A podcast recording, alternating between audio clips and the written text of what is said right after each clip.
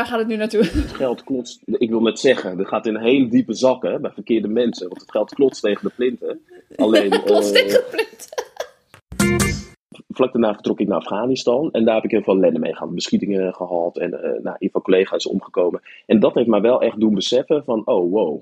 Weet je, eh, het geluk eh, dat ik dit werk mag doen hè, als atleet.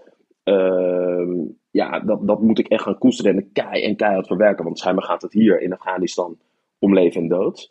Eh, dat, dat moet ik ook omzetten op de baan. Dat je Ja. gewoon ook, dat je daar echt als supporter staat te schreeuwen. En dan, ja, op een gegeven moment ga je weer op zender, zeg maar. Ja, dan probeer je een beetje een fatsoenlijke analyse te geven. Maar natuurlijk, ja, je staat. Je mag verdomme nu lopen. Ja. Tuurlijk, wij presteren goed, dat is mooi. Maar haal je dat Ja. van ons weg? Als ik aan de buurvrouw vraag, als, we, als je niet naar Femke Bol kijkt volgende week, naar wie ga je kijken? Nou, dan gaat ze naar niemand kijken. Ja. ja, naar Krek. Dan gaan ze dan dan gaan ze naar mij kijken. Gelukkig hebben we Krek nog.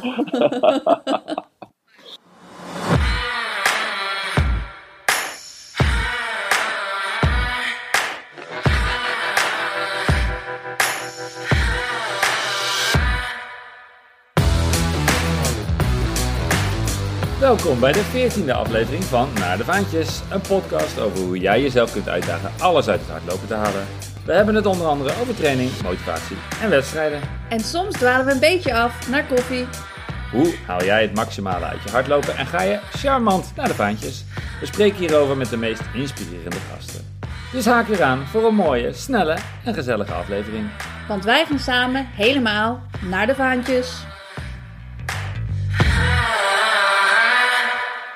Mijn naam is Iman Muller en aan de andere kant van de lijn zit ze, net terug uit Jeruzalem, Suzanne Cremens. Jij, zijn we weer. Ik varieer gewoon altijd hè, met Susan en Suzanne en Cremens. Oh ja, ik hoor het verschil niet eens. Ik luister naar alles.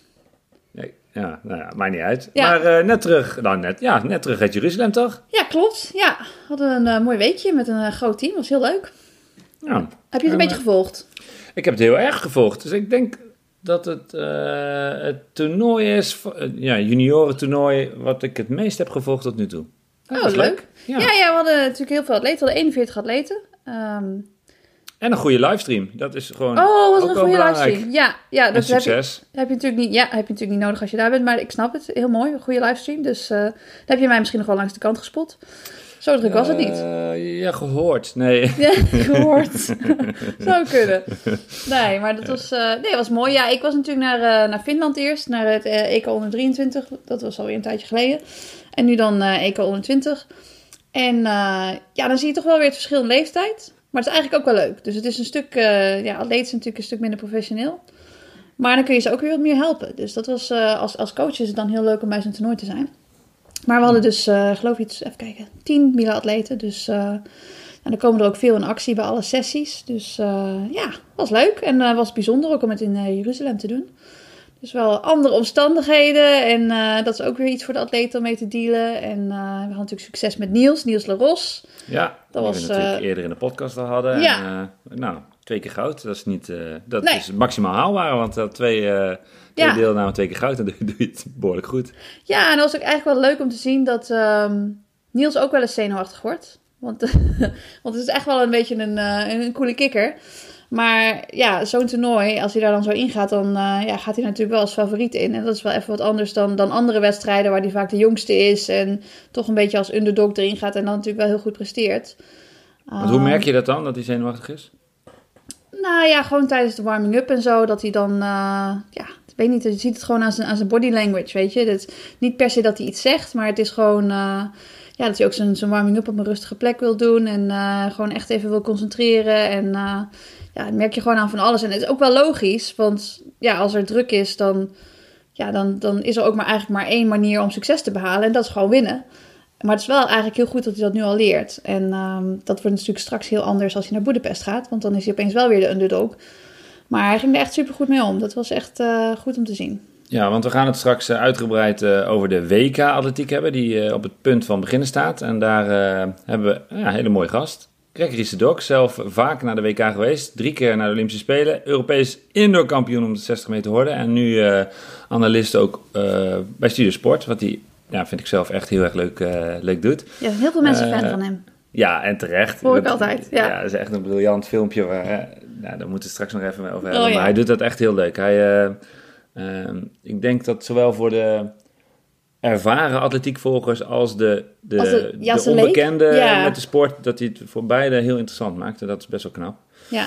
Uh, dus dat is de WK, daar gaan we straks uitgebreid over hebben. Ja. Um, nog even terug over, over Niels, wat jij zei. Ja. Van het omgaan met druk en, en dus met fa favoriete rol. Ja. Wat ik wel leuk vond, we hadden uh, zelf een interview met hem uh, bij Hardloop Netwerk. De, tussen de series en de finale in op het Nederlands kampioenschap. Ja. En toen, uh, een collega van me die vroeg hem van... wie is de favoriet uh, voor de titel op de 800 meter?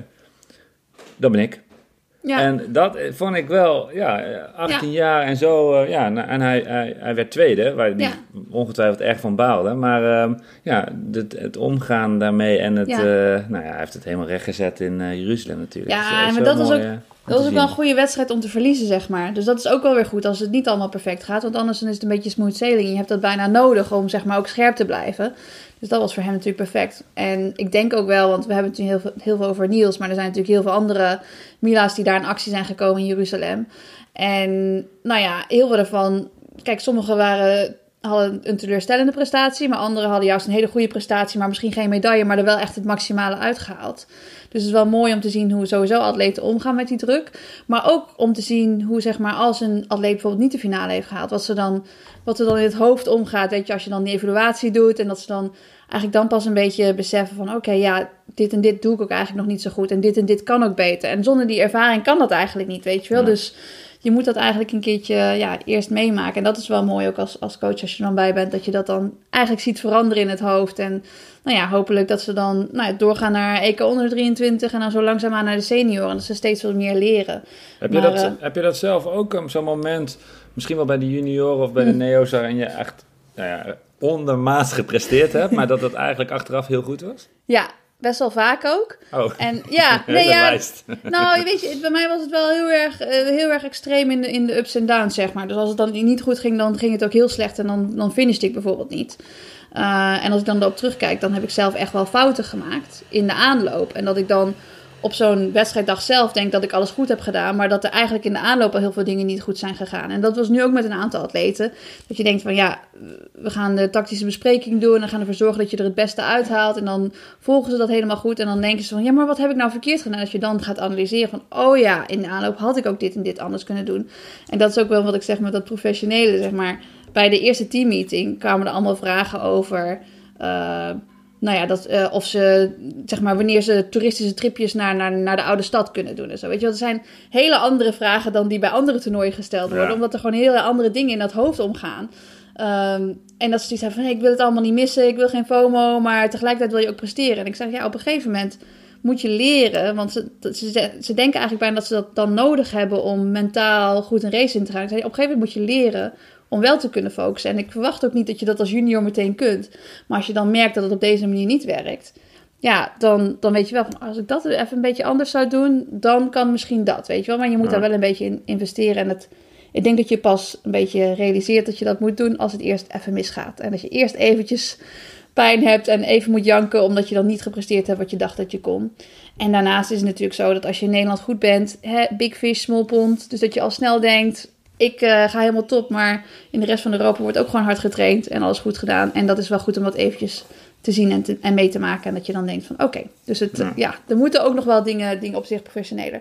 Maar het is wel grappig, want ik, ik vertelde inderdaad die atleten ook wel over verhalen van mezelf bij junioren en hoe ik dingen verkeerd heb gedaan. Om ze dan toch proberen daar een beetje voor te behoeden. En toen uh, vroeg ze ook van, oh, wanneer liep je eigenlijk EK onder 20? Toen zei ik, oh ja, dat was in 2005. Toen zei ze, oh ja, nou, ik werd toen geboren in dat jaar. Ja, word oud, word oud. ik zei, dankjewel. En toen vroegen ze ook van, zijn er dan beelden van? Ik zei, ja, ik heb wel beelden. En toen zei ze, oh ja. Ik neem uh, volgende keer mijn plakboek mee. Nou, inderdaad. Ik, nou, er zijn dus wel bewegende beelden. Maar toen zei ik, zei ze, heb je, heb je dat op je telefoon? Ik zei, nee, dat, dat staat niet op YouTube. Zei ze, waar is het? Ik zei, ja, heeft iemand ooit op een dvd gebrand voor me? Nou, een mooi filmavondje dus. Inderdaad, even de DVD bijhalen. Nee, maar dat was wel mooi. Het is mooi om te zien en, en was ook wel uh, ja, heel fijn om, om zeg maar als, als coach iets voor die atleten te kunnen betekenen. En uh, hopelijk... Ja, en perfecte allemaal... opstap uh, nou ja, voor uiteindelijk een, eh, een WK. Dus, eh, Precies, ja. Stap staat op het daarheen. punt van beginnen. Ook 41 atleten die daar... eh, Ja, dus eigenlijk qua aantallen lijkt het alsof het dan gelijk blijft. Hè? Want de EK 23 was het ook. Maar bij de Mila zie je wel dat het team dan wel iets kleiner wordt. Dus dat is... eh, er is nog werk aan de winkel. Ja, er is zeker werk aan de winkel om die, om die atleten in de sport te houden. Dus, eh maar Ja. goed. Ja, en verder, Jeruzalem heb ik niet zo heel veel van gezien. Ik ben één keer heb ik iets, iets kunnen bekijken, een beetje toeristisch. En eh, niet zoveel kunnen rennen daar. Wel heel veel hummus gegeten, dat wel. Oké, maar, je, maar je rent nog wel? Eh, nou, daar heb ik dus alleen maar eventjes op de crosstrainer gestaan. Omdat ja, we hadden alleen maar tijd midden overdag. En in hitte rennen, dat is niks voor mij. En eh, op de loopband rennen had ik ook niet zoveel zin in. Ehm, maar nu thuis in Nederland ren ik nog wel. Maar ja, rennen... ehm, ja... Draven. Ik, ik draaf een beetje. Het gaat een stukje langzaam. Mijn zweeffase is... eh, Goed, die is goed. Oh, nou ja, het is niet, eh, niet zo'n grote zweeffase, zullen we maar zeggen. Dus eh, nee, ik kom iets lager van de grond en ik merk ook wel dat het echt wel zwaarder wordt en dat ik eh, ja, steeds langzaam ga lopen en wat meer moet gaan wandelen. En Want die buik, hè, nu- die wordt ook zwaar, hè. Dus ik heb nu ook een, ik heb zo'n belt die ik dan omdoe. Ik heb zo'n belt gekregen die ik dan, Beetje ondersteuning. ja, nou dan blijft, die, blijft de buik een beetje, dan beweegt hij niet zoveel. En dan met lekkere hoge tights eroverheen. Dan gaat het wel iets beter, moet ik zeggen. Dus eh, dat helpt. Maar want, want je bent nu een week of eh, 5, 26 zwanger. ja, Ehm, en, eh, ja, je kunt het niet helemaal aanschatten, maar op een gegeven moment houdt het op, het hardlopen, denk ik even. Ja, ik denk dat het over een paar weken wel gaat gebeuren. Ik loop nu steeds, er zit, nu, er zit nu steeds meer tijd tussen mijn loopjes. Weet je wel, op een gegeven moment als er dan nou, misschien een week tussen loopjes gaat zitten, ja, dan op een gegeven moment dan stop je natuurlijk gewoon meer mee en dan eh, ga je gewoon wat meer non-impact doen. Dus ik doe nu ook wat meer eh, elliptico. En ja, misschien moet ik uiteindelijk toch de fiets gaan pakken. Ja, ik weet het niet. Maar om mooi, toch een beetje af te wisselen, ja, ik, ik weet het niet. Ik heb er nog niet zoveel zin in. Dus, eh, Maar Dus fietsen, ja. op een gegeven moment lukt dat ook niet goed meer. Hè? Dan moet je dat stuur heel hoog zetten en zo. oh dat- ja, tuurlijk, want die buik die zit natuurlijk in de weg. Ja, ja, nou dus dat maar niet, dat is allemaal... Ja, Nee. dat hoort er allemaal bij. Nee, maar verder gaat het eigenlijk wel goed. Ik heb ook niet echt dat ik zeg maar, eh, ik heb geen gekke cravings of zo. Dus eh, met de energie gaat het wel goed. En eh, ehm, ja, dus, dus dat eigenlijk. En ik ben wel nog steeds heel ver, vergeetachtig. Dat is het enige, ja. Ik, ik vergeet echt alles. En pas geleden had ik weer een, ik doe wel eens van die één op één training ook met mensen. En toen had ik, heel vaak als ik dat doe, dan, dan ren ik wel nog een stukje mee. Weet je, dan doe ik nog de warming-up mee of zo. Ja, eerst deed ik altijd dat ik dan ook nog wel een stukje van de training meedeed. Maar dan kan ik niet meer coachen, want dan ben ik natuurlijk bui- buiten adem. Maar eh, nu fiets ik dan vaak mee. En dat had ik pas geleden dus ook weer dat ik, eh, dat ik dan, ja, heb ik mijn, mijn fiets daar. Maar dan heb ik ook de auto daar, omdat ik nog allemaal pionnetjes en andere dingen mee heb. Je gaat niet met de auto ernaast, ja? Nee, wel heel Kom erg. op, hè. Zo'n zo'n zo'n zo'n ploegleider van een wieler. eh. Ja, precies, mooi. Eh, En dan gewoon even over de radio. Ja, gaat goed. Mooi threshold. Is, is prachtig. Nee, dan eh, heb ik in de auto heb ik al die spullen. Want als ik dan mee ga fietsen een stukje, dan kan ik die spullen gewoon in de auto gooien. In ieder geval, dat doe ik dan. Dat deed ik gewoon in Hilversum. Dat is makkelijk. Dus dan kan ik die daar gewoon neerzetten. Alleen ja, dan moet je natuurlijk wel terug naar huis. En dan moet je kiezen of je met de auto of met de fiets terug naar huis gaat. Gaat niet allebei. Dus dan dacht ik, ja, dan laat ik die fiets wel even daar staan. En die haal ik wel een andere keer op. En toen ging ik de volgende dag ging ik naar, eh naar Papendal voor een training. En je ziet wel eens van die filmpjes voorbij komen dat ik dan ga fietsen. En dat ik dan eh, ga hazen. En dan heb ik natuurlijk een horloge ook op, op het stuur. Oei. Alleen ik kon dus het horloge dus niet vinden. Het, het horloge wat altijd op het stuur gaat voor die training. En ik had al haast en ik moest gaan. En ik dacht, oh god, ja, ik moet gewoon nu gaan. Ik, eh, dan doen we het maar, probeer ik maar met stopwatch of zo. Ik weet het ook niet. Of een ander horloge of zo. En toen reed ik dus eh, richting Papendal. En toen reed ik onder de brug door, waar mijn fiets nog steeds netjes stond. Die stond, Toen zei je telefoon. die stond er al twee dagen. GPS connected. Oh. Ik keek naar boven. Keek naar boven toen ik onder de brug doorreed. Oh, mijn horloge zit nog gewoon op de fiets die er al twee dagen staat. oh, maar dat is wel. eh, ja, Ja, dat is een duur horloge, denk ik. Dus. eh, ja, nee, dus ik vond het ook wel top dat het... Er is toch nog een soort van hoop in de, in de mensheid. Dat, dat, gewoon, dat mensen misschien dat gezien hebben en gedacht hebben... Nou, er is iemand die zijn fiets geparkeerd heeft met een horloge erop... en dat hoort er gewoon op te zitten. Dus, eh, eh, maar gelukkig heb ik dus het, het timing horloge kunnen redden. En heb ik gisteren ook weer een mooie training kunnen doen op Papendal. Gelukkig hoefde ik niet zoveel te hazen, want dat wordt ook zwaar. Kijk, als je zo'n 342 moet doen, dat is gewoon hard. Dat is doortrappen. trappen, ja. ja, Ja. dus... eh, maar goed, jongens hebben de laatste training gedaan. Dat was de laatste training van Niels ook voor Boedapest. En die, en die gaat vandaag die kant op. Ik Nou. blijf hier om de rest van de jongens te blijven coachen. ja, en we gaan voor de, voor de buis zitten en Ja. luisteren naar, naar Cracker Dog. Ik heb nog wel één vraag, want jij Oh. je bent natuurlijk even op vakantie geweest. Ja. Eh, Heb je nog veel segmentjes gepakt? Goeie vraag. Hartstikke idee. Ja, hartstikke idee. Nee, is Sowieso, eh, dat eh, heb ik echt heel veel reacties op gehad. En het Ja. zal je verbazen, maar heel veel die, die deden dat al. Of zijn Ja. het ook gaan doen. Die vonden dat echt een top idee. Dus eh, even al dat belachelijk maken van jou. Maar dat vinden veel mensen dus leuk. En ik heb een segmentje gepakt. Ja? Ehm, eentje in de Vorgezen, ook eentje in Italië. Dus ik heb me helemaal aan mijn woord gehouden. Top. Ehm, En die hebben ze nog steeds ook. Want ik zag ook wel dat iemand een segmentje alweer kwijt was. Een van onze luisteraars. Dat is natuurlijk heel vervelend. Dan moet je meteen weer terug op vakantie. Ja, dat is shit. Ja. Ja. Nee, ja, deze heb ik nog maar. Ja, het is eh, vooral eh, die in Italië is een populair gebied. En ehm, ja, die ga ik een keertje kwijtraken natuurlijk. Maar goed. Ah, joh. ja, ja, balen, balen, balen. Ik heb ja. hem. Die eerste was trouwens een soort lucky. Ehm, dat heb je eigenlijk bijna nooit meer in Nederland. Dat je per ongeluk een segment pakt. Vroeger Nee. had je dat nog wel, maar nu is Wil je per ongeluk gaan fietsen en toen als, als hardloper geüpload of zo? Ja, dat is ook een goeie. Ja, daar heb ik zo hekel aan. Ah ja, laten we het daar maar niet over hebben. Nee, maar eh, dus die heb ik te pakken. ja. En, ehm, en nu weer terug van vakantie. En dat is een mooi moment voor eh, nieuwe doelen. Dus ehm het moeten, moeten weer gaan trainen. Ja, serieus, een, beetje tempo's. Dus ik ga eh, de halve marathon in Keulen doen. Wanneer is die? 1 oktober. Oh, nice, ja. En zoals het er nu naar uitgaat en alles gaat goed, dan ga ik een marathon lopen in Valencia. Yay, dat is in december, hè? Ja, ja, Ja. dus dat is wel echt een cool. eh, weet je, ik heb dat ook echt nodig. Ja. Als je geen doel hebt, dan is trainen leuk. Maar als je een doel hebt, dan, ja, dan, heb je, dan train je ook een stuk zinvoller en Ja. eh, een stuk gemotiveerder. Dat werkt bij mij echt heel goed. En, eh, Ja, ik zag dat je een mooi groepje op een filmpje voorbij kwam. Dat, je, dat zag eruit als een serieuze training. Een soort van Ja. marathon training misschien wel. Ja. Ja, expres even op kop gaan lopen voor het filmpje natuurlijk. Dus dat Oh is, ja. eh, Ja. ja. Nee, die, die jongens eh, gaan ook naar Valencia. Dus het is ook echt leuk om in Hm. een groep voor hetzelfde doel ja, te overzien. Wat is het nog? Een maand of vier? Iets minder? Ja. ja. Dat was wel echt hele slechte kwaliteit, dat filmpje. Ik dacht eventjes, dit is met een... eh, Ja, nou, Met ik een weet niet oude of we digitale over... camera ja, nee, gefilmd. ja, helemaal waar. En die overheid krijg ik ook... Ik, ik, ik heb hem natuurlijk niet zelf gefilmd, want ik liep. Maar dat komt omdat AirDrop het niet deed. En dan krijg je hem over WhatsApp. Ja, en dan is het echt foto, video? Ja. is naar de vaantjes. ja, Ehm, dat is, dat is heel jammer. Ja. maar ja, ja, excuus. Volgende Ja, keer nee, dat is heel. Ja, want is, e- eerst was het van als het niet op Instagram staat, is het niet gebeurd. En nu is het als het geen goede kwaliteit is, is het eigenlijk niet gebeurd. Dus ik denk dat je de training nog even over moet doen. Nou, daar gaat nog heel veel Nee, het zag er leuk uit hoor. Mooi groepje. Kon, ik herkende alleen niemand verder. Maar goed. Oh, het zijn wel echt... eh, Nee, maar door de wazige kwaliteit. Oh. nou, Ja. we gaan het opnieuw doen binnenkort. Ja, is goed. Doe dat maar een keertje over. Ja. Ehm, Ja. nou, tijd, eh, genoeg gelul denk ik. Het is tijd om eh, Greg ehm, erbij te roepen. Maar Ja. niet voordat we het hebben over ons supplement segment van deze keer. Van onze vrienden van Virtuoos.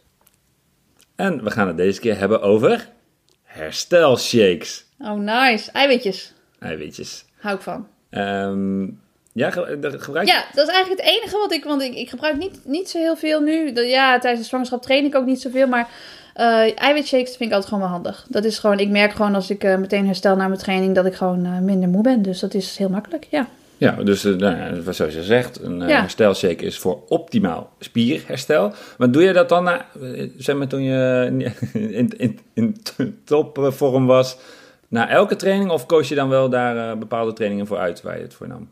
Na elke training. Gewoon na elke training? Ja, gewoon Ja, na elke klasse. training. Want dat- ook omdat het zeg maar... Ik vind het vaak wel lekker om gewoon iets eh, te drinken. Dus niet meteen te eten.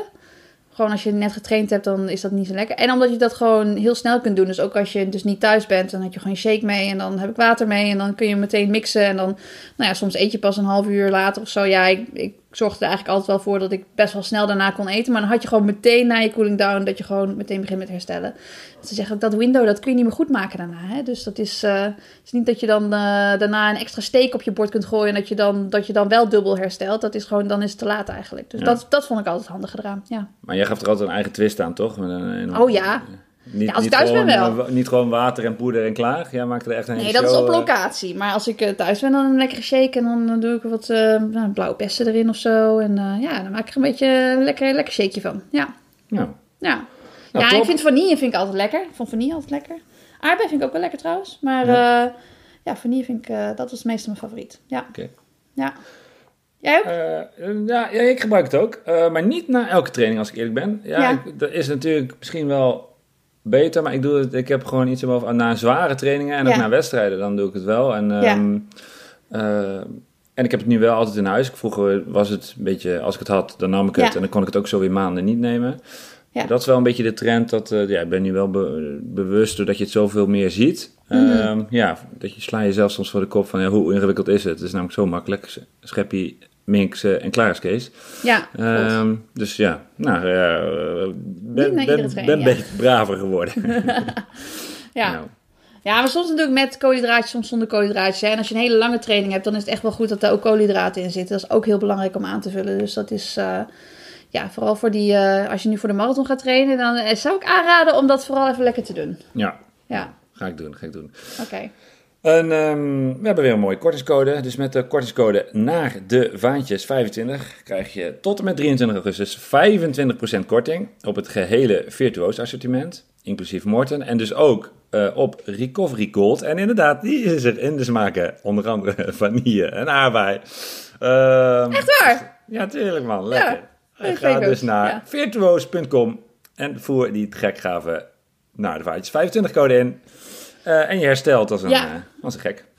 Ja, ik wil lekker shake, shake and shower doen, hè, deed ik altijd. Shake and shower deed ik in Australië vooral. Dat als ik het warm had, dan nam ik de shake mee en dan ging ik gewoon meteen een koude douche na de training. En dan met de shake in de douche en dan shake and shower. Dat was echt Shake mijn and shower, favoriet. nou, ja, top.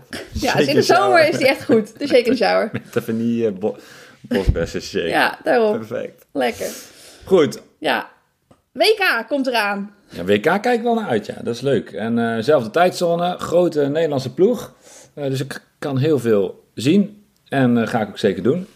Ehm, ik ga ik pro- proberen alles te kijken. En natuurlijk zijn er een heleboel kanshebbers, hebsters voor medailles. Is er iets waar jij specifiek naar uitkijkt? Ja, heel veel. Nee, maar je moet, je moet, ja, we gaan er niet alle 41 bespreken. Niet? Maar Oh. is, er, is er iets waar je zeg maar, net iets meer naar uitkijkt dan de rest? Of dat, is dat niet zo? Ja, ik kan niet één kiezen. Nee, weet je, ik, kijk, ik vind eh, alles in, alles in de Mila vind ik natuurlijk prachtig. En in de La ook, hè. Dus niet alleen in de Mila. ook Ja. in de La. En de track en Eh, de fields, ja. Ja, daarom. Ja, maar la, weet je, dat vind ik wel, als ik er dan één moet kiezen, dan kan ik er eentje op de weg en eentje op de baan kiezen. Ja, Toch? Dus, eh, nou ja, de La, dat is dan eh Abdi natuurlijk. ja, maar ja, daar kijk ik ook echt heel erg naar uit. Ja, ik kijk heel erg uit naar Abdi. Abdi is natuurlijk wel natuurlijk, eh, ja, net ook van coach gewisseld en zo. Dus zit een beetje in een, een beetje een onrustige periode. Maar ik sprak hem pas geleden en hij zei dat hij goed getraind heeft.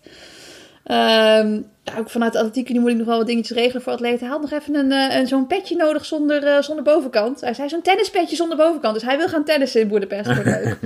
Ehm, Ja, want het kan warm worden, hè? Ik zag Ja. eh, 30 plus, dus... eh, Dus ik, ik hoop dat hij er enorm in gaat racen. Dan heb ik toch een beetje bijgedragen aan zijn, aan zijn, aan zijn wedstrijd. Ja, het tennispetje zonder bovenkant. Ik zei, jongen, dat heet een visor. Ik ga een visor voor jou regelen. maar moet je niet... ze doen toch altijd zo'n zak ijs in het petje? Als het Oh zo ja, of zo'n hoge toren, zo'n hoge hoed. Ja, Weet je mooi. dat nog in Doha? Dat, dat die Duitsers zo'n hoge hoed had, waar die dan gewoon eh, scheppen ijs in deed en zo. Ja, ik, ik zit niet alles voor te doen. Dit is echt zo onhandig dat dit een podcast is. Mensen hebben wel een idee van een hoge hoed, denk ik. Ja, dat weet ik wel, maar dat was toch mooi. Dan gingen ze zo steeds dat ijs erin scheppen. Dat is, ik ben even de het doen. Anyway, eh, dus dat, nee, maar zo'n uh, visor, dat kan natuurlijk ook zijn dat hij dat gewoon voor zijn trainingen wil. Weet je, dat is, eh, dat is zit, zit, normaal zit dat niet standaard in het pakket bij de Olympische Spelen wel, maar bij een WK niet. Anyway, dus eh Abdi met de visor, ja, ik ben heel benieuwd wat hij gaat doen. En hoe hij gaat lopen en of hij een medaille gaat pakken of niet. Want hij heeft natuurlijk soms echt hele goede prestaties, maar dan ook in, in Eugene bijvoorbeeld dat hij, dan, dat hij dan uitstapt. Dus het is altijd wel heel spannend met hem. Ja, vaak gezegd, hè? Het is een hele goede en dan weer een mindere. Hele goede. Ja. Ik weet niet hoe we in de cyclus eh, zitten. Om en om. Want hij vindt soms wat ik goed vind eigenlijk helemaal niet goed. En die medaille in. New York haalde was hij teleur. Want Dat vind ik wel mooi aan Abdi. Die, die, ik weet niet of hij het zo hard uitspreekt, maar hij gaat natuurlijk gewoon voor goud. Ik bedoel, Ja, eh, Precies. ehm, en eh, ja, nou ja, dat is niet makkelijk, maar hij Nee. gaat natuurlijk wel vol ervoor. Dus dat wordt echt een hele mooie, mooie race, Ja. denk ik. Dus ik van hem van de Lee, eh, La Lala. en, en de Mie, van de Mie. Eh, ja, weet je, ik vind het ook wel mooi om te, om te zien wat, wat Niels gaat doen. Ook omdat hij gewoon, eh, nou, hij gaat natuurlijk... Niels loopt 1500 meter. Ja, loopt 1500 meter, ja, sorry. En ja, die ja, gaat als underdog in, maar hij, hij is gewoon tactisch is hij gewoon zo goed. En dat was natuurlijk ook wel in Jeruzalem. Daar is helemaal niet mee bezig hoe hard hij zo'n laatste rond loopt, maar hij loopt hem gewoon wel echt heel hard.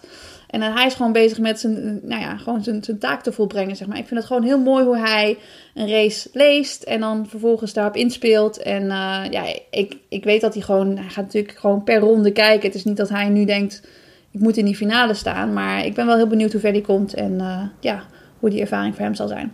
Ja. ja. Nou, dat zijn de ja, en de Stefan moet ik natuurlijk wel zeggen dat ik wel... Ik ben wel benieuwd of ze de triple gaat doen. Kijk, in het schema kan het volgens mij. Maar laten we ook uh, even aan Krek vragen natuurlijk wat hij, wat hij daarvan vindt en wat hij denkt. Ik ben heel erg benieuwd. Nou, mooi. We gaan naar Greg. Goedemorgen, uh, Gregory. Goed dat, je, goed dat je er bent. Ja, goedemorgen. Leuk man. Uh, de Europees kampioen uit 2007, word je, word je daar nog vaak herinnerd? Jeetje, ja, dat is al wel weer heel lang geleden. Hè? Maar ja, dan word ik. Eh, nou, weet je wat het is? Ik word er vaak mee aangekondigd. Zeg ze, hij is de Europees kampioen na 2007. En dus ja, dat is uh, misschien toch wel mijn grootste succes uh, geweest als je dat zo, zo achteraf bekijkt. Persoonlijk niet, maar wel qua medaille, dat wel. Ja, mensen kijken naar medailles. Maar je wordt nu vaker aangesproken om jouw analistenwerk bij Studio Sport dan? Of? Ja, dat ook. Uh, maar daarnaast natuurlijk ook Sportlabs Doc, het uh, programma dat ik maak voor de Afrotros. Um, ja. ja, daar krijg ik echt heel veel reacties op. Dus uh, dat vind ik wel te gek. Want dat is ook echt helemaal mijn dingetje, echt mijn kindje. Dus, ehm, dus ja, dat vind ik ook wel leuk dat mensen dat, dat zien. Ja, want daarin bekijk jij innovaties in de sport. Of ja. onderzoek jij eigenlijk innovaties in de sport. En daar komt weer een nieuwe reeks aan ook? Um, uh, wel in de pen. Ja, ik ben al uh, behoorlijk wat aan het schrijven en aan het doen. Dus ik hoop, het ligt nu bij de NPO. En uh, ik, hoop, ja, ik hoop dat we ergens wel een keer een go gaan krijgen. Maar dat is wel iets wat ik wil gaan maken weer. Ja. ja. Gaaf. Ja, want wij kennen elkaar uit onze tijd bij AAC, de vereniging uit Amsterdam, waar wij hele andere onderdelen deden, maar dan één keer per jaar competitie deden. En dat was nog in de ja. tijd dat AAC Nederlands kampioen werd. En ja. jij deed dan, jij bent hordenloper, tenminste zo word jij vaak aangekondigd. Maar in mijn gedachten deed jij daar horden, verspringen, hinkstapspringen, alle estafettes, 400 meter. Jij werd gewoon ingezet voor, jij, jij beheerst het allemaal hè, dat weten mensen niet. Maar... Nee, ja, dat, dat, dat is, kijk, weet je, wat het, weet je wat het mooie is, vind ik, van als je tenminste op jonge leeftijd begint met atletiek, dat is dat je je motor is natuurlijk ook wel heel erg goed ontwikkeld. En de een heeft wat meer talent dan, dan de ander. Hè. Dus de een kan wat harder rennen, heeft wat snellere spiervezels dan, dan de ander. En misschien heeft iemand wat meer, uh, als ik naar jullie kijk, wat meer duurvermogen dan, dan, uh, dan dat ik heb. Maar um, um, ja, ik, ik hield het altijd wel bij de expliciete nummers. En, en 400 meter is natuurlijk onze langste sprintafstand. Dus alles tussen de, de, het hordenlopen, sprinten en 400 meter, dat, dat ging me wel aardig af. Maar je moest me niet inzetten bijvoorbeeld voor de, de 1500 meter of 800 meter. Of kogelstoot, een technisch nummer. Maar uh, ja, maar te gek toch? Dat vind ik ook trouwens ook wel het mooie. Misschien wijk ik helemaal af uh, van het verhaal, sorry. Maar het mooie van, van clubcompetitie. He, dus uh, je wordt ingezet, en we zagen het pas bij het EK landenteams in Polen, waar dat meisje, uh, hoe heet ze? Oh, die hordenloopster. Ja, die hordenloopster. Ja, niet, niet die hordenloopster. Die kogelstoter. Ja, toch alles voor de punten. En, en, ja. uh, en dat vind ik wel mooi van, van clubcompetitie in de atletiek. Ja. Ja. ja, dat is ook wel. Ik heb een keertje bijna bij een Interland heb ik uh, polstuk hoog uh, springen gedaan. Maar dat meen toen, Ja, toen vroegen ze in de bus naar de Interland toe, vroegen ze van, uh, ja, we hebben geen polstuk hoog springster, wil iemand het doen? En ik zat helemaal achter in de bus. Ik zei, ja, ik wil wel. en ze zei, oké, okay, we schrijven Suzanne op. En toen kwamen we bij de baan aan en toen zei ze van, en nou ja, je weet wel hoe het werkt. Nee, ik heb nog nooit gedaan, maar ik, doe het gewoon voor team. En toen zei ze, laten, laten we dat maar niet doen dan. nou, polstuk is dan ook wel een heel, heel gevaarlijk nummer dan, als je het nooit Daarom. hebt gedaan. Maar... Dus ja. nog niet uiteindelijk. Maar goed. Ik heb een keer uh, op de competitiefinale een 100 meter gelopen. En dat is, was net zo lachwekkend als die kogelstoten. ja. Uh, want toen had je nog... Nu mag je wat meer onderdelen doen. Maar toen mocht je maar oh. maximaal twee onderdelen doen. Ja. Onze 100 meter sprinter, die was geblesseerd geraakt. Ja, niet helemaal de warming-up, maar wel een soort pre-warming-up. Dus we konden nog wisselen. Ja. ja. en ik was gewoon de enige die nog een onderdeel mocht. Dus ja, dan ga je het gewoon doen. Oh, geweldig. En toen dacht ik wel, ik ga gewoon echt serieus mijn best doen. En ik zat ook in baan 4 of 5 in het midden, waar normaal oh. echt de, de, kleppers zitten. Oh. Ja. ik kijk naar links en naar rechts en denk, dit wordt de klus. En dan was ik lachwekkend. Maar goed, ja, maar voor de punten. Staat, staat, dit op jouw atletenprofiel of niet? Jouw 100 meter per? Ja, dat ben ik wel benieuwd. Want wat liep je dan? Ja, dat weet ik niet. Ik ga het ook niet opzoeken. Uh, Nee, we gaan het snel over echt, eh, echt atletiek hebben. Want we de WK in, eh in Boedapest staat eh, voor de deur. Het gaat bijna Ja. beginnen. Mhm. Ehm, ben je erbij, Gregory? Ja, ik ben er eh, letterlijk bij. Ik eh, ga eh, vrijdag 18 augustus is dat. Ga ik ook echt naar Boedapest toe. ehm, voor de NOS. En, ehm, en ik ben op maandag alweer terug. dus het is een heel kort Oh. tripje. Maar dan sta je echt trackside. Ja, eigenlijk wel. Echt op de baan. Ehm, wat ik heel graag wil is, kijk, de studio is natuurlijk echt ook helemaal mijn ding. Dan kan ik de analyses geven, dan kan ik de mensen vertellen wat we allemaal, eh, waar we op moeten letten, wat we allemaal zien. Maar dat doe ik natuurlijk al een aantal jaar. En daarom ben ik ook heel blij dat eh Daphne Schippers nu eh, erbij komt. Want ja, sowieso qua naam natuurlijk al fantastisch. Maar zij kan ook hele andere dingen vertellen dan dat ik al een paar jaar vertel. Dus die, die, die, die, die geeft dan weer andere inzichten. En dat Mhm. vind ik alleen maar mooi. Dus nu vind ik het ook wel leuker om daadwerkelijk op de baan te zijn. Om de atleten te zien, om de warming-up te zien. Om ook nog meer informatie te geven van... hé, hey, wat ik nu heb gezien is bijvoorbeeld... Suzanne Crummins bijvoorbeeld, die eh, nu niet meer loopt, maar wel altijd daar de warming-up liep. En eh, ik zie dat, eh, hè, dat het er goed uitziet alle in de rondjes tegen de richting in. allemaal rondjes tegen de richting in, nou, bijvoorbeeld. Maar ja, je geeft toch net weer even wat, wat, wat, Ja. wat extra informatie dan dat je in de studio zit. Want anders zit ik daar alleen maar met de atleten te appen of met, Ja. met, met coaches. En nu ben je daar daadwerkelijk. Maar wat, want je gaat dan wel eh, voor en na de races eh, analyseren? Of ga jij Nee. ook interviews doen met atleten? Of wat, wat ga je daar precies doen? Nou, de, de bedoeling is, is dat ik eh, Jeroen Stekelenburg met name van heel veel informatie ook eh, ga voorzien. Dus ik zal proberen op de warming-up baan te zijn om eh, met coaches daadwerkelijk op locatie te spreken. En je moet het, eh, je moet het ja, eh, stel dat iemand heeft gelopen, Sifan Hassan, ik zeg maar wat. Ehm, dan moet je een persconferentie vaak eh, afwachten om wat informatie te krijgen, of met de coach of met de manager. Ehm, nu is het fijn als wij, ehm, ja, ik ben natuurlijk wel van de media, even tussen aanhalingstekens. Maar Eh, ehm, is dat zo? Zien zij dat zo, dat je van de media bent? Of zien ze Nou jou... ja. Nou, ik denk dat je dichter Ja. bij de atleten staat. Dat is ja, wel, eh, dat wel, ja. dat wel. En dat je bent wel. er zelf Kijk, doorheen gegaan. Ja. Nou, dat ook. En, en ik zeg altijd, ehm, dat is wel echt, en ook in Sport Lopsedok, maar laten we het nu vooral even bij de weken atletiek houden. De reden waarom ik ehm, zo makkelijk sporters kan spreken, is omdat ik ehm, het hele proces respecteer. Ik zal nooit Mhm. één op één bijvoorbeeld naar een atleet toe gaan en dat vervolgens verkondigen op, op televisie. Ik zal altijd eerst via een manager of een trainer vragen van hey, eh, de- de- hoe, hoe zit het? En mag ik dan eh, de atleet even spreken? En dan heb ik de atleet.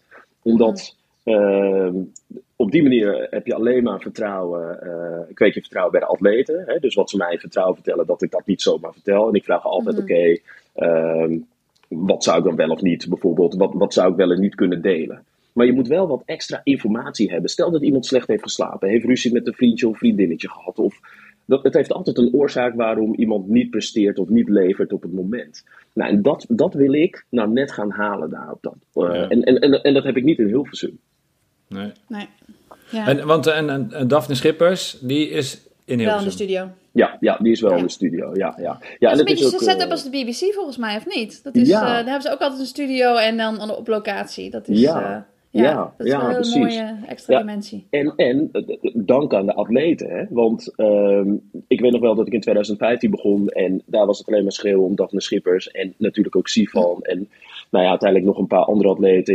Volgens mij 2019 had jij nog een medaille in... ehm, eh, nee, in 18. Berlijn was het 18. In Berlijn. Ja, maar dan, dan heb je op een gegeven moment een hele grote... En dat was bijzonder. Maar nu, Mhm. dat- het is maar twee, drie jaar later... Nou, Ja. laten we zeggen drie jaar later zitten we gewoon eh, met acht Nederlanders gewoon, eh, die, die, die, die kans maken op medaille. Dus het is Ja. echt bizar. Waar we voorheen blij waren met een medaille, met één of twee medailles, Ja. zitten we nu te kijken naar misschien wel 12, 13, 14 finale plaatsen. Is het bizar of zag je het aankomen? Nou, jawel, je ziet dat wel aankomen. Ehm, het, het, het is altijd een golfbeweging. Hè. Sommige onderdelen wat beter dan, dan de andere. Het was altijd de focus op estafette. Hè. Vanuit 2003 met Wieger toen de tijd. Ehm, daar moesten de finale plaatsen vandaan komen. En misschien nog wel een Camille Maas eh, en, en Gertjan Lievers een beetje die tijd. Maar ehm, wat je nu ziet is dat echt zeker toen Jurelli Martina koos voor Nederland... eh, dat Sivan kwam, dat, dat het allemaal een beetje opkwam. Hè? Ehm, dat er Antilliaanse jongens op de 400 meter erbij kwamen. Ja, dan, dan, dan, dat, dat gaf zo een enorme boost. Nou, dat hele Papendal is natuurlijk, uh, dat stond eerst in de kinderschoenen. Dat duurt jaren, dat moet je allemaal opbouwen. Want we hadden wel trainers, alleen weinig atleten. Nou, nu hebben we heel veel goede atleten. Nu is het nog zaak om hele goede coaches uh, te laten aanhaken. Dus het is bijna andersom. Mm Dus eerst geen atleten, nu hebben we te veel atleten. En nu moeten we gaan kijken van oké, welke coaches moeten we erbij gaan halen. Zelfs buitenlanders. Ja. Nou, en, en, en, en dat moet doorgaan. Dus de structuur moet eerst staan vanuit een bond, voordat je later succes. Dus je ziet het wel, je zag het wel een beetje aankomen.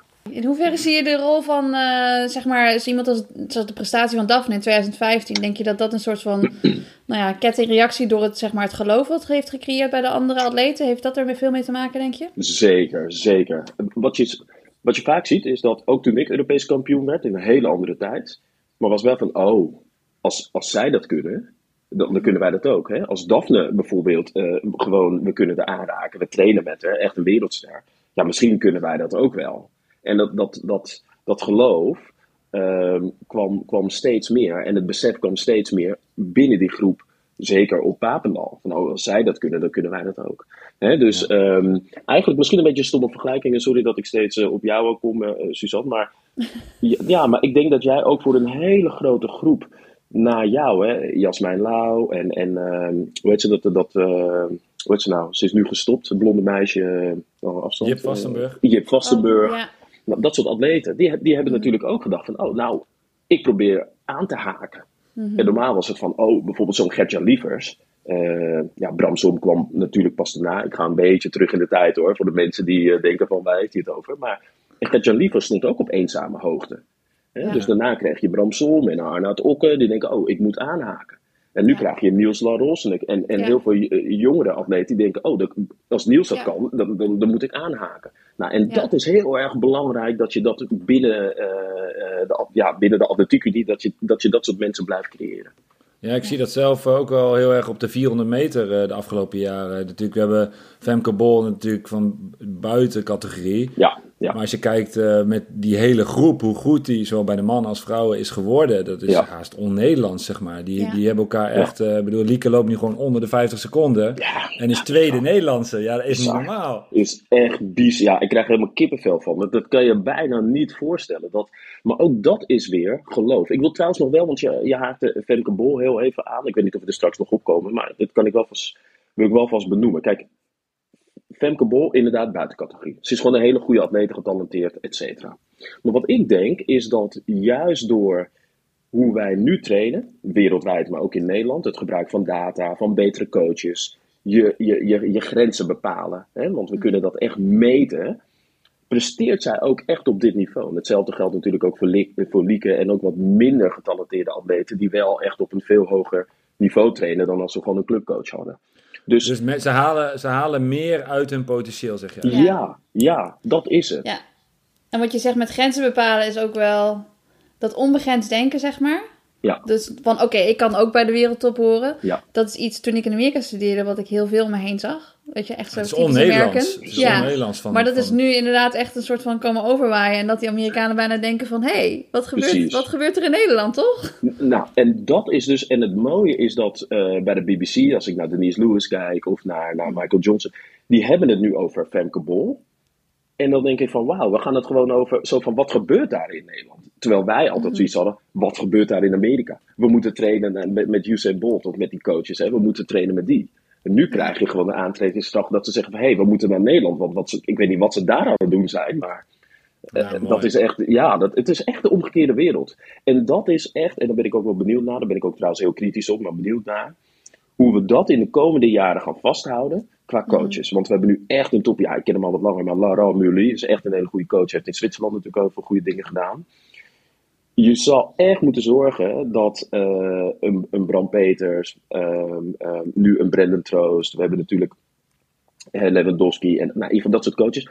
Moet je echt zorgen dat je die mensen goed gaan faciliteren, zodat die ook blijven. Want als dat soort mensen gaan wegvallen, dan ben ik echt ja. benieuwd dat het een domino, dan ben ik echt um, uh, bang dat het een domino-effect wordt. Ja, dan gaan mensen uitwaaien, die, die gaan weg. Ik bedoel, kijk, um, er zijn veel coaches, en ik heb het zelf gehad, ik, ik ben naar Duitsland toe verhuisd, omdat ik daar beter kon trainen, betere coaches.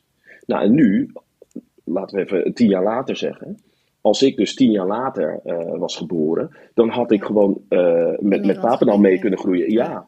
En dan had, ik, had ik ongetwijfeld nog veel beter eh, gepresteerd. Nogmaals, andere tijd. Mhm. Maar dat geeft wel aan hoe goed we nu bezig zijn.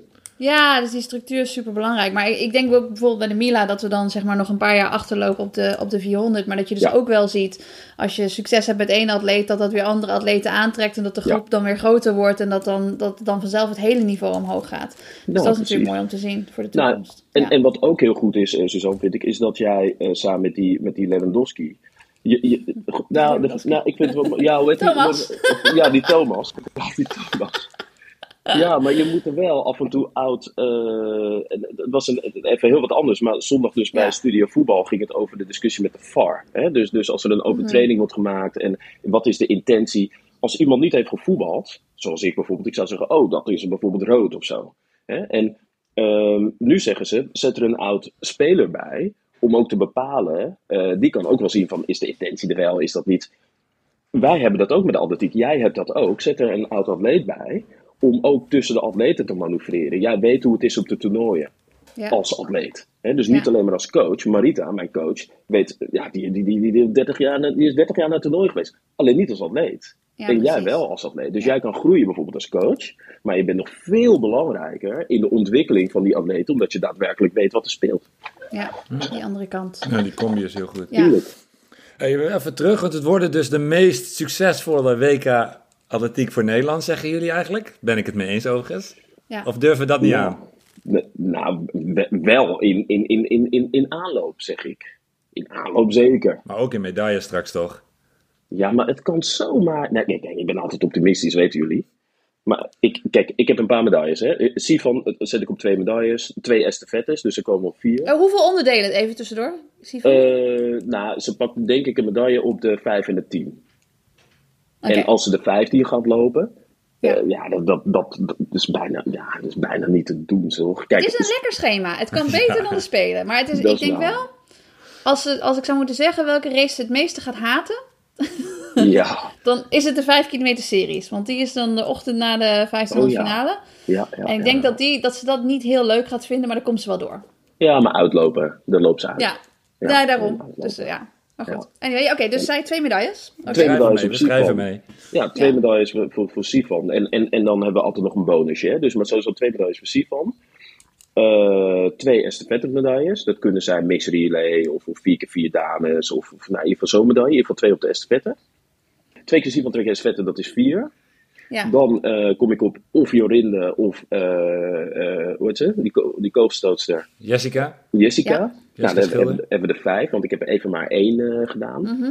Eh, nou ja, sowieso. Dan komen we bij. eh, wacht, ik, ik blijf nog bij de verrassing. Ik ben nog niet bij de zekerheidjes. Hè. Dan hoop ik op Abdi een eh, medaille. Ja. Ja, ja. ja. Eh, maar ook dat kan zomaar. eh, ja, weet je, ik wil toch een keer de, eh, zijn schoenen en dan weer steken. en, ja, ik vind het toch altijd een beetje. Verkeerde, maar- verkeerde petje? Zou zo maar Verkeerd kunnen. petje en een bidon misschien wel. Ja, ik vind het toch altijd een beetje tricky, maar ik, ik, ik schaar hem ook onder een medaille. Ja, dus zeker. dan kwam op eh 7, toch?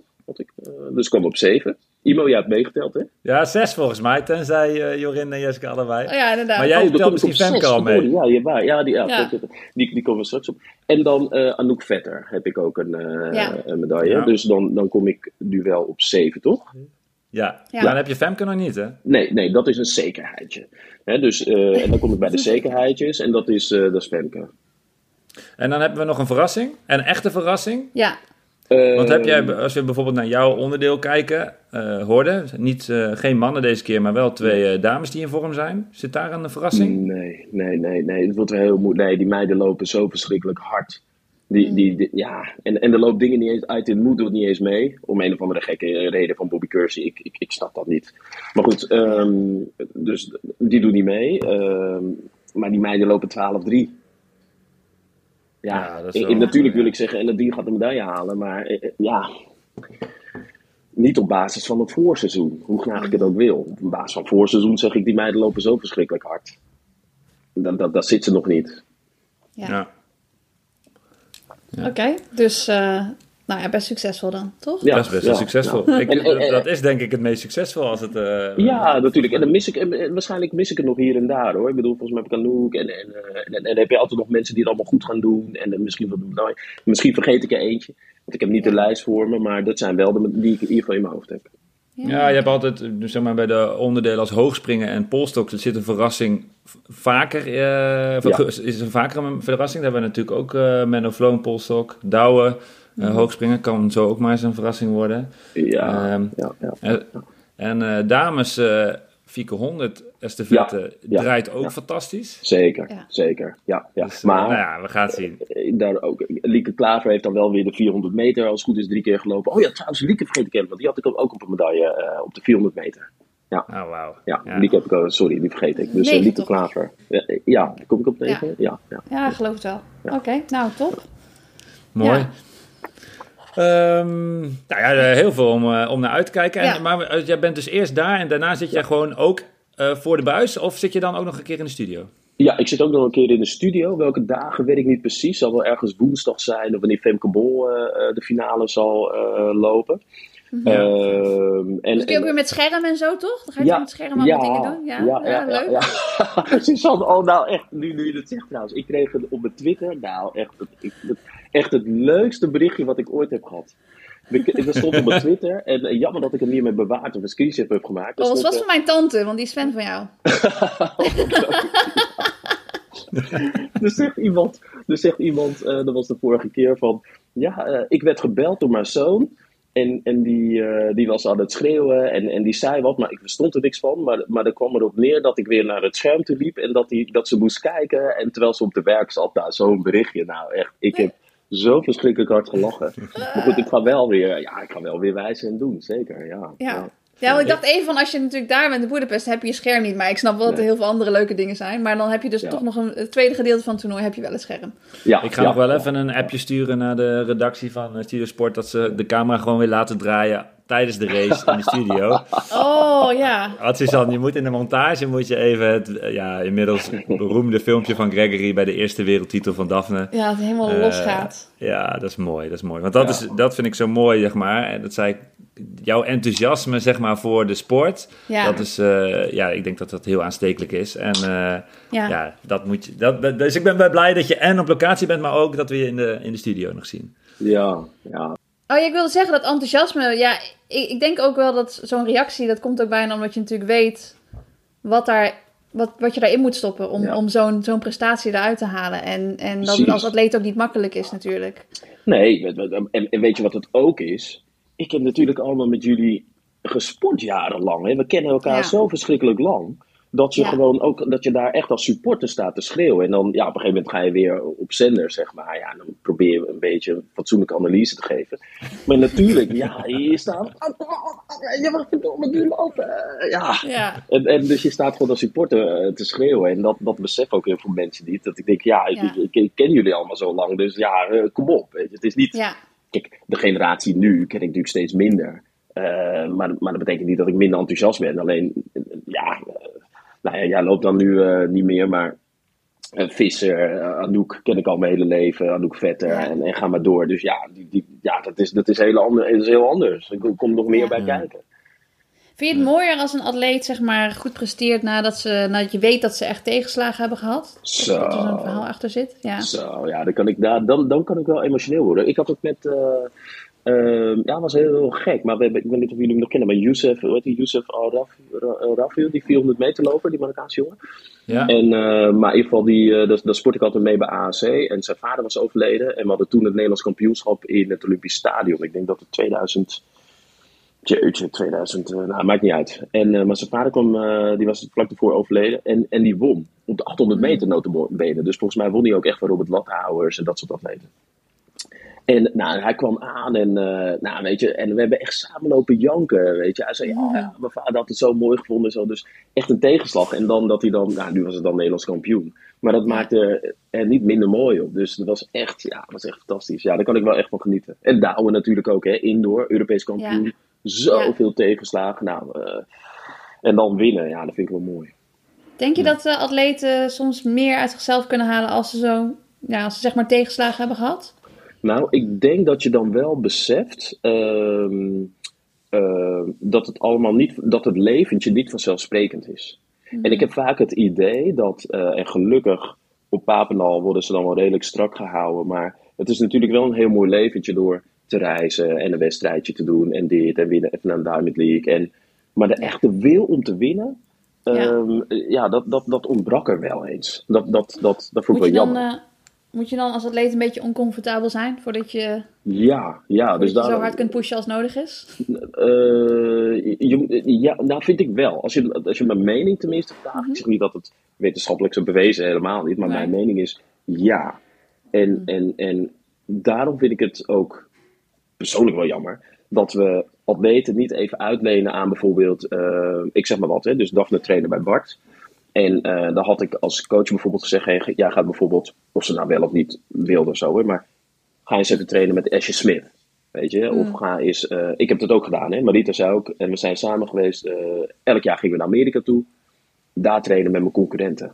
Daar Ja. trainen met die. Dus ik zou graag willen dat ook een Jessica Schilder naar die, naar die Ely gaat in Canada om daar te stoten. En nou, zo, zo kan ik nog wel, hè? Dat er een, een, hoe heet ze, die Klaver gaat Ja. naar Johnny Miller in, eh, in, in, ehm, in eh, Disney daar waar ze trainen. In Orlando, Ja, ja. weet je, bij. eh, ja, Even een eh, internship. Gewoon even Ja, kijken hoe Even doen ze het daar. Hoe doen Ja. ze daar kijken? Je had het ook even over tegenslag, zeg maar. Is er, is er, en ik heb die vraag ook aan eh, ja, iets anders aan Suzanne gesteld. Maar is er in jouw carrière, zeg maar, een tegenslag eh, geweest, die op dat moment natuurlijk nou ja, een tegenslag was, maar die jou echt he- een hele grote stap verder heeft gebracht, als je daar nu op terugkijkt? Dus dat je die echt nodig had om een stap te kunnen zetten, achteraf? Ja, jawel. Dat zijn de, twee- de twee geweest. Ja, twee. Eentje was, eh, ik, heb, ik heb in 2008, 9, zeg maar 2000, einde 2008, begin 2009, ging mijn relatie uit.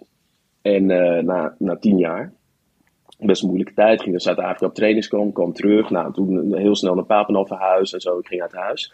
En toen ging ik, ehm, ehm, ehm, en toen werd ik vice-Europees kampioen. Dus was eh indoor 2009, werd ik tweede. En eh, vlak daarna vertrok ik naar Afghanistan. En daar heb ik heel veel ellende mee gehad. Beschietingen gehad. En eh nou, een van collega's omgekomen. En dat heeft mij wel echt doen beseffen van... Oh, wow. Weet je, het geluk dat ik dit werk mag doen hè, als atleet... eh, ja, dat, dat moet ik echt gaan koesteren en kei en keihard verwerken. Want schijnbaar gaat het hier in Afghanistan om leven en dood. Eh, dat, dat moet ik ook omzetten op de baan. Nou, 2009 heb ik echt een gruwelijk jaar gehad. Dus dat jaar heb ik zo hard gelopen, ondanks de tegenslagen van mijn relatie en, en Afghanistan. En de tweede keer was mijn schorsing. 2011, een jaar voor de Spelen, geschorst geweest. Hè? Drie keer die mistesten in mijn whereabouts. Nou, Ja, toen je op tv liep, ik weet het nog. veel niet. Toen je gewoon een wedstrijd liep? Oh, ja. ja. Dat idee, ja, ik weet het nog goed. Ja. Ja, precies, ja. Nee, precies, Suzanne, ja. Ja. Weet je, dus ja. En, en, nou, en, en dat heb ik echt omgezet. En ik had maar één, dat moet je nagaan. Hè? Dus ik was gelukkig al genomineerd voor de Olympische Spelen. Want de limiet was 13, nou laten we zeggen 45 of zoiets, of 48 op de 110 meter horde. En ik moest toen het jaar vormbehoud tonen. Dus in 2012, dat, wanneer ik mocht lopen. Dan had ik maar één wedstrijd voor. Dat was het EK in Helsinki, 2012. Nou, 30.000 keer naar een EK geweest, nooit in de finale, altijd pech, altijd, altijd was er wel iets. En dat toernooi, series bam, na, na 1358, hè, dus gelijk gekwalificeerd voor de Spelen. Halve finale 1348, finale volgens mij 1345 of 1343. Ineens kon het dus wel. Terwijl ik een Ja. jaar lang niet had gelopen. En de eerste wedstrijd liep ik gelijk die tijden. Dus ik heb dat echt gelijk kunnen omzetten. Want het is gewoon, Ja. het is een andere mindset. Echt waar. Het is echt, en dat is ook de reden waarom we nog gewoon zo goed presteren nu in Nederland. Omdat het een bepaalde mindset is. We hebben nooit geloofd dat we het konden. Want ah, zij zaten aan de doping en het was altijd zij. En, nee, wij kunnen dat ook. Het is gewoon een mindset. Ja. We hebben de beste faciliteiten. We hebben, we, hebben de- we hebben goede coaches, we hebben, ehm, eh, onze infrastructuur is goed, we, hebben, eh, we zijn allemaal wel een redelijk knappe kop, hè? we kunnen goed leren, we kunnen goed nadenken. Ehm, fysiek zijn we allemaal in orde. Alles, alle ingrediënten, ingrediënten zijn er om in ieder geval goed te trainen en daardoor goed te presteren. Nu is het alleen nog maar mindset. Ja, Ja, ja ik denk het ook. ja, ja het is helemaal, helemaal eens. Set- Setback is a perfect setup a comeback, zeggen ze toch? Ja, ik wil het zeggen. Ja, precies. precies. Nee, maar dat is zo. Ja. En denk je nog, uh, want als je dan over mindset hebt en atleten, dan zijn er natuurlijk atleten die heel zelf, zelfverzekerd zijn. Maar er zijn ook atleten die best wel onzeker zijn. En soms kan dat ook helpen om zeg maar, het maximale uit jezelf te halen. Denk je dat er een soort van ideale verhouding is tussen zelfvertrouwen en onzekerheid? Uh, ja, ja, ik denk dat, dat onzekerheid altijd wel redelijk goed is, want het houdt je op de een of andere manier toch scherp. Hè? Dus uh, dat, dat Usain Bolt bijvoorbeeld daar voor de start staat en loopt te zwaaien en te doen, betekent niet dat hij heel erg zelfverzekerd is. Die is ongetwijfeld onzeker, maar probeert daar wel heel veel zelfvertrouwen uit te halen. Uh, Alleen je moet er niet in blijven hangen. Je moet het uiteindelijk wel kunnen omzetten. En dus als je de grens hebt tussen uh, het is, oh, ik, ik ben onzeker en ik kom, ik kom het blok niet uit in mijn geval, hè, dus ik kan niet presteren. Of uh, ik ben onzeker, maar ik, ga het, ik kan het omzetten naar iets moois. En ik denk dat dat heel erg belangrijk is. Dus wel altijd die onzekerheid, omdat je dan de spanning en de zenuwen blijft voelen. Want juist die dopamine hebben we ook nodig om uh, daadwerkelijk uh, te kunnen presteren. Maar het moet niet omslaan in uh, dat, je, dat je daadwerkelijk niet kan presteren. Want dan komt het weer ja, psychisch weer bij kijken. En dat ja. is niet goed. Hoe ga je kijken straks op het uh, warm-up veld? Hoe ga je proberen de atleten te lezen? Nou, verhaal te lezen, zonder met ja, ze te praten, zeg maar. Ja, precies. Ik vind het wel interessant hoe zij, uh, hoe zij uh, of ze geïmponeerd zijn door hun tegenstanders, ja of nee. Daar, daar let ik altijd op. Ik, ik heb daar altijd een soort van ja, ik heb dit een soort van uh, dingen voor gehad. Uh, ik, ik vind het altijd heel interessant. Uh, six Sense. ja, ja, misschien wel, ja. ja. Nee, maar dat is wel zo. Ik heb daar echt wel een soort van zesde zintuig in gecreëerd. Want de callroom is wat heel ja. veel mensen niet zien op televisie. Oh, het is zo prachtig wat daar gebeurt. Ja, dat is het. Dat ik is weet nog zo mooi. Voor, voor de 100 meter finale was dat toen... In, er is volgens mij niks uh, zo zichtbaar als een 100 meter finale, zeg maar, tussen de verschillen, verschillen in persoonlijkheden. Je zei uh, Usain Bolt al, maar ook ja. die camera toen in de callroom. Ja. ja, het zijn echt acht losse verhalen in, ja. in een mini-kamertje met Precies. camera. Dat is eigenlijk wel uniek dat die camera daar was, want dat zie je niet altijd. Ik weet niet Nee. hoe dat... Nee, Nee. nee. Maar ja, de kolom, daar ga je natuurlijk niet in. Maar op het warm-up veld moet ik zeggen dat wel ook dan zeg maar voor een wedstrijd, wat je ziet qua warming-up en hoe Ja. atleten naar elkaar kijken. Maar ook als atleten dan uiteindelijk de hele mixzone doorkomen Ja. en weer terugkomen op het veilige warming-up veld bij Ja. de coach en bij iedereen die er de hele reis bij was. Dan, dan komt vaak de emotie ook los. Ja, ja, ja, ja. Ik ben wel heel benieuwd wat jij daarvan straks kunt, kunt vangen in, eh in Budapest. Ja, ja, ja, precies wat je zegt. Eh, hè, dus je hebt inderdaad de warming-up, de callroom, de wedstrijd, eh mixzone met de pers en de ontlading weer terug op het warming-up eh, veld. Ehm, dat proces vind ik echt heel erg mooi. Dus ik zal proberen. En ik heb vanmiddag een, eh, een, een, eh, als ik weer terugkom, een afspraak met, eh, ook met de NOS om te kijken van oké, wat kan ik? En wat ik heel graag wil is eigenlijk een warming-up veld zien racen naar het stadion. Terug naar het warming-up veld om echt te kijken van wat heb ik nou daadwerkelijk gezien? Lacht iemand? Huilt iemand? Tevreden of niet? Stel nou dat iemand, hè, je, bent, je, je loopt goed. Ik heb het één keer meegemaakt, eh 2014, eh, indoor EK. Verena Seiler, een sprinter vanuit Duitsland. Loopt, boem, op de 60 meter. 7-0-8 of zo, ik zeg maar wat. In ieder geval heel hard. Daphne, 2014, was natuurlijk een stuk jonger. Loopt de series. Hou me de tijden even te goed hoor, maar, te goed hoor, maar bam, loopt 7-0-3. Verena Seiler, klaar. Terwijl Verena was de grote favoriete. Hè, dus die komt dan naar de callroom en die, die, die, die kijkt echt zo van ja, maar. Of naar de callroom, sorry, naar de warming-up aan. Nee. En die zegt ja, maar wat moet ik dan nog doen? En een ander voorbeeld, en eh, sorry dat ik te veel uitweid hoor, maar een ander voorbeeld wat ik ook interessant mooi. Mooi, mooi, mooi. 2009, WK in eh, Berlijn. Eh, hoe heet die hoofdspringster? Eh, Blanca Vlasic en die Duitser. Ik ben even de naam kwijt, maar kort haar. Een beetje een heel gek kind. Ja, ik weet het al. Ja. Favoriete, die Duitser. In, in eigen, eigen stad. Die gaat inspringen. Krijg je kippenvel van. Die gaat inspringen. Boom. En eh, eh, springt op, op eh, laten we zeggen, 1,95 meter. Legt de lat gewoon hoog. Weet je wat Blanca Vlasic op dat moment doet in de warming-up? Heel stadion kijkt, helemaal vol, 60.000 man. Je bent er geweest, hè? je bent in een mooi stadion. Nee, ja, prachtig stadion. Vooral als het vol zit. Blanca Vlasic legt de lat op 2 meter 3. Warming-up, hè? Inspringen. Ja. Springt er overheen. Klaar. Die Duitse die kon niks meer. Hè, Nee. Dat is gewoon totaal geïmponeerd. Dus daar ben ik dus benieuwd naar. Wat zie ik dus in die warming-up? hè? Wat gebeurt Ja. er op die warming-up baan? wat gebeurt er in het stadion? Wat, wat kunnen mensen dan? En wat zie ik dan daarna? En als ze dan Ja. nog een finale moeten doen, ja, dan kan ik zeggen van nou, wat ik nu heb gezien is dat, ja, nou, jullie met zijn kopje naar beneden en snap je? Dus dat wil ik de mensen graag weer, weer meer vertellen. Ja, ik denk dat echt dat dat super mooie extra informatie is. Want ik, ik moet ook zeggen, bij alle toernooien waar ik nu geweest ben, ook bij de junioren onder 23, wat er op de warming-up baan gebeurt, is bijna interessanter dan wat er echt eh, nou ja, op de baan gebeurt. Ja, echt. In echt. het stadion. Ja, het is niet zomaar. Je gaat inlopen en wat je altijd doet, wat we in Nederland in Leiden en weet ik veel, al Mm. dat soort wedstrijdjes. Het is compleet anders. Het is compleet anders. Terwijl het eigenlijk nergens op slaat, want het is helemaal niet anders. Het is gewoon de druk. Je hebt een Nederlands nu aan, je hebt je concurrenten, mensen die je niet kent. Je ziet met een ah, schreeuwen, noem maar op, raakt iemand ervan onder de indruk. Daarom zijn die jeugdtoernooien ook zo belangrijk. Hele discussies heb ik ook gehad, pas nog op de radio.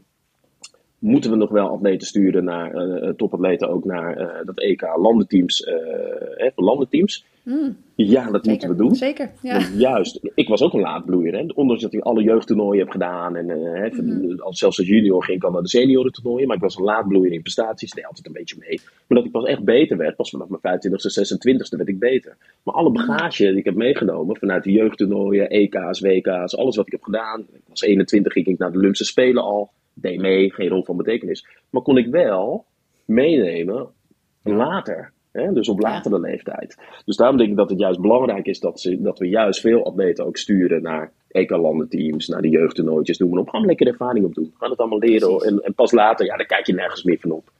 ja. Nee, helemaal mee eens. Ja. Mooi. Nou, eh, ik, eh, ik, eh, ik heb er zin in. ja, ik ook. Ja, ik ook. Heb je nog een onderdeel, waar, een speciaal onderdeel waar je, waar je heel erg naar uitkijkt? Of is het echt alles? Nee, Oké, wat is het onderdeel? Ja, speerwerpen mannen. Ja. Speerwerpen mannen. Ja, Oké, vertel. Ja, Che, die, die Che heet die volgens mij. En Chopra en, en, en eh, eh, eh, hoe heet die? Die, ehm, die donkere atleet, die een oud wereldkampioen. Ik ben even de namen kwijt. Nee, Maar dat Ja. is toch wel echt waar ik dat, dat gaat boven de. En, en mijn grote favoriet natuurlijk is Johannes Vetter. Ja, ik vind ook mentaal een probleempje. Presteert niet lekker, maar dat is wel echt mijn favoriete atleet. Ja. Ehm, ja, dat wordt, dat wordt een mooie strijd. Maar ik denk ook, dat, let op, ik denk, ja, dan moet ik heel, heel voorzichtig. Maar die Noah Lyles, die gaat nog eens een keer een wereldrecord pakken hoor, op die 200 meter. Ja, die, Windstil, 30 graden. Ja, dat zou zomaar een wereldrecord kunnen zijn. Oké, dit is de voorspelling die we gaan opschrijven. Noah Lyles zou zomaar een wereldrecord kunnen Keep pakken. an eye on him. Over eh, het uiten van zelfvertrouwen is dat ook wel een... eh, Ja, we hebben dat trouwens. voorbeeld. Ja, dat wil ik ook nog, nog heel even kwijt. En dat ga ik ook straks zeggen hoor. Bij, eh, Mm. Kijk, de atletiek, de- wereldwijd, hè, dus niet in Nederland. Wij doen het heel goed, gelukkig. Als je bolt, we keken naar atletiek. Mensen keken, waarom kijken mensen nu naar atletiek? Laten we het zo zeggen in Nederland. Omdat Femke Bol, eh, laten we wel wezen, hè, dus we hoeven niet krampachtig. Femke Bol, daardoor kijken mensen, want ik kom net, gisteren kom ik eh, uit eh, Bali. En eh, er was een Zwitser en die zei, ah, die Femke Bol. We kennen Femke Bol. Als je dat wegneemt, stel je neemt Femke Bol weg en al die andere atleten. En je hebt een atletiekliefhebber. Naar wie gaan ze kijken dan? Naar wie zitten we dan te kijken? Wereldwijd. Nou ja, dat deed, ik weet niet waar je naartoe wil, maar Usain Bolt is nog steeds wel een hele bekende naam. En dan Ja, maar die doet niet meer mee. Kipchoge misschien? Nee, nee, nee, nee, daar gaan mensen niet naar kijken. Wij, atletiek hebben... Dat duurt allemaal veel te lang. Dus, Echt twee uur onderweg. ja, nee, dat, nee maar dat is, nee, is natuurlijk een van de grootste atleten die we hebben. Hè. Ik heb Choco. Nee, ja. Maar, en, en zo kan ik ook van zo'n feit, ik heb Jegon genieten, maar wij zijn atletiekliefhebbers. Ja, Maar een niet-atletiek liefhebber, die zit eigenlijk naar niks te kijken. Dus daarom ben ik blij dat zo'n Noah Lyles een beetje die, ook die rol pakt. Want we hebben Jelena Isinbaye van gehad. Hè? Nou, grote ster. Als we nog een beetje terug gaan, zelfs Christian Olsson. En grote Ja. atleten, maar echt ook internationaal.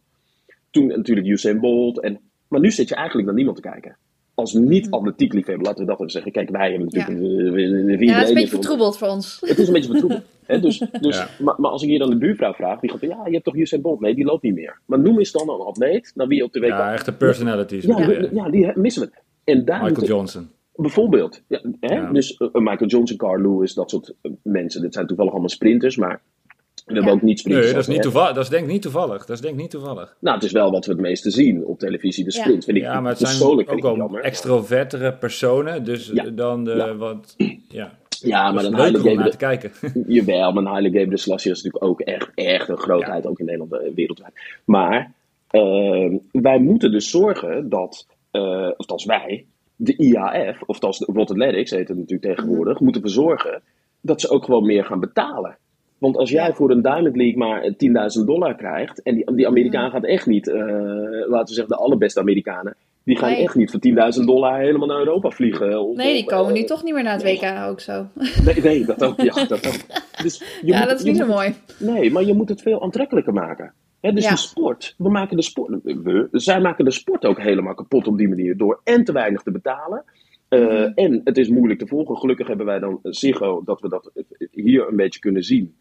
Maar je- wereldwijd moeten we gewoon veel meer wedstrijden eh, zien. Nou, en dat, Ja. is, dat, dat, dat is wat ik nu zie. Dat, dat, tuurlijk, wij presteren goed, dat is mooi. Maar haal je dat Ja. van ons weg? Als ik aan de buurvrouw vraag, als, we, als je niet naar Femke Bol kijkt volgende week, naar wie ga je kijken?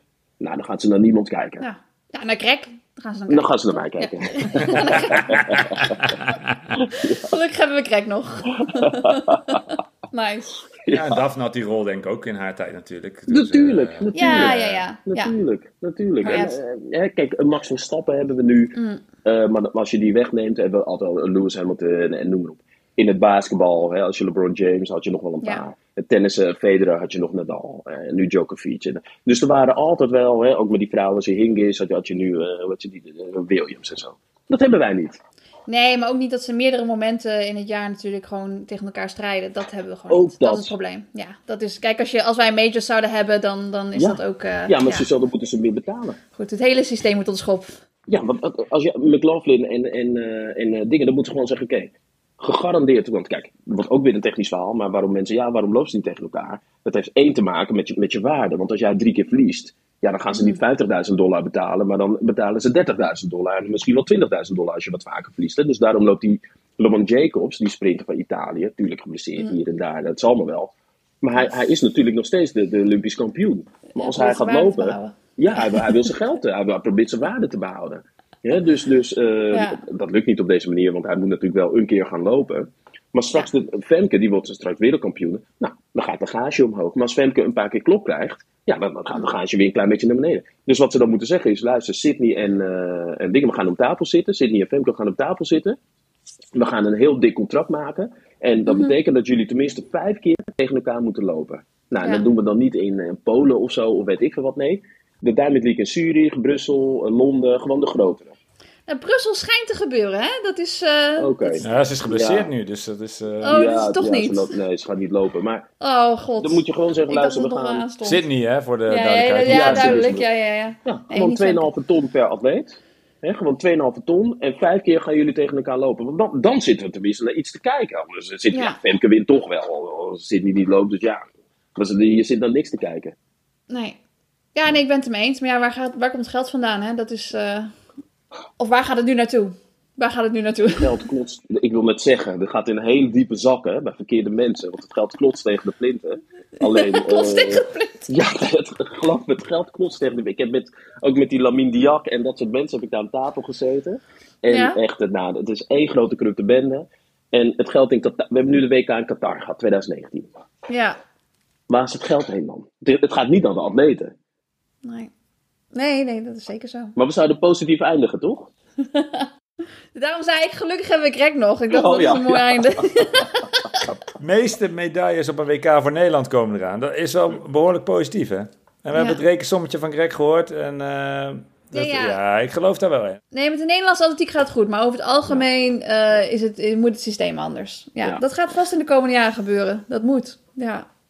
Battles. Battles en helden hebben we nodig. Yes. Hey, eh, en, en moet je tussendoor, eh, ik noem je gekscherend de snelste politieagent van Nederland. Eh, je moet ook weer aan het werk tussen de analyses door, of, hoe, eh, of heb je nog even vrij? Nou, ik ben, ik ben nog even vrij, maar ehm, ik werk niet meer bij de politie.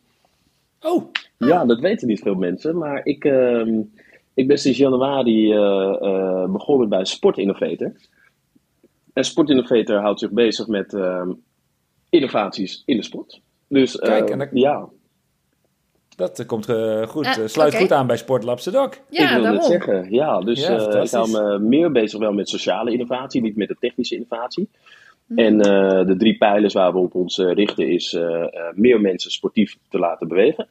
En ehm, eh, de tweede pijler is of beter presteren in de sport. Hè? Dus zowel topsport als breedte sport. En het sneller verduurzamen in de sport. Ehm, dus ja, op die drie hoofdthema's eh, zijn we bezig. Dus eh, ja, we jagen innovaties aan. Dat proberen we te financieren. Dus, eh, dus dat. Mooi. Gaaf. Nou, Ja. nou, Ja. nog een nieuwtje zo aan het eind eh, Zo, van de uitzending. ik wil wat zeggen. Hè? Even een primeurtje hier zo. eh. Nee, januari zei hè? Oh, ja, ja, ja, ja. Ja. Nou, eh, Greg, hartstikke bedankt voor je, je tijd, je enthousiasme en, eh, en je kennis. En, eh, en we gaan allemaal lekker kijken. Dat weet ik zeker. Ja, ja, is goed. zeker. Ja, nou ja. Ja, succes daar in Boedapest ook. Thanks, komt Ja. goed. Ja. Oké. Hoi, goed. hoi. Yes, hoi, hoi. Nou, dat was Greg. Ik, ik had al zin in de WK, maar eh, ik heb nu helemaal zin om de WK te gaan kijken. Ja, ik ook. Ik ben echt, nog- eh, echt benieuwd. Ga je nog andere dingen doen tussen het eh, WK kijken door? Nou ja, een beetje training geven en dat soort dingen. Hè? Dus dat, dat gaat natuurlijk nog steeds door. Maar eh, WK kijken ga ik zeker doen. Ja, Ja. en dan eh, daarna ga ik een keertje op vakantie. Dat eh, mag ook wel, eventjes. Nou, leuk. Ja, Leuk, even kijken of wat segmentjes kan pakken. Klasse. Anders is het geen succesvolle vakantie, toch? Ja, dat is de maatstaaf. nou, jij? Nou ja, ik heb, zoals ik zei, ik heb een doel. Dus ik ga ook wat kleinere wedstrijdjes doen en wat gavere wedstrijdjes. Ik ga Noord gestoord doen. Eh, en ik, ga, ik ben zelf een, een wedstrijd aan het organiseren, de Big Ten. Oh ja, dan ga je natuurlijk niet meelopen. Dat lijkt me Nee, een beetje nee, dat was wel eerst plan, maar het is helemaal uit de klauwen gelopen. Ja, ik. Dus die dag eh, wordt heel druk, maar heel gaaf. Ja. 3 september. Dus dat, ja, dat zit, er, zit eraan te komen. Ja, leuk. Leuk. Ja. Ja. Hey, ehm, zo zijn we aan het eind gekomen van de 14e aflevering van Naar de Vaantjes. Dank aan onze gast Greg. En we gaan allemaal naar de WK kijken nu. Super. Eh, dank jullie luisteraars voor het luisteren. Ook namens Suzanne. Blijf luisteren en lopen. Hoi.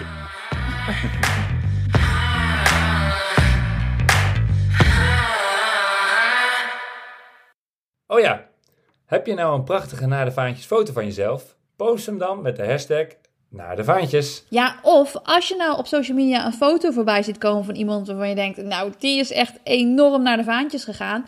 Zet de hashtag er dan onder. Of je mag ons ook altijd taggen, naar de vaantjes underscore podcast. Dan kunnen we allemaal lekker meegenieten.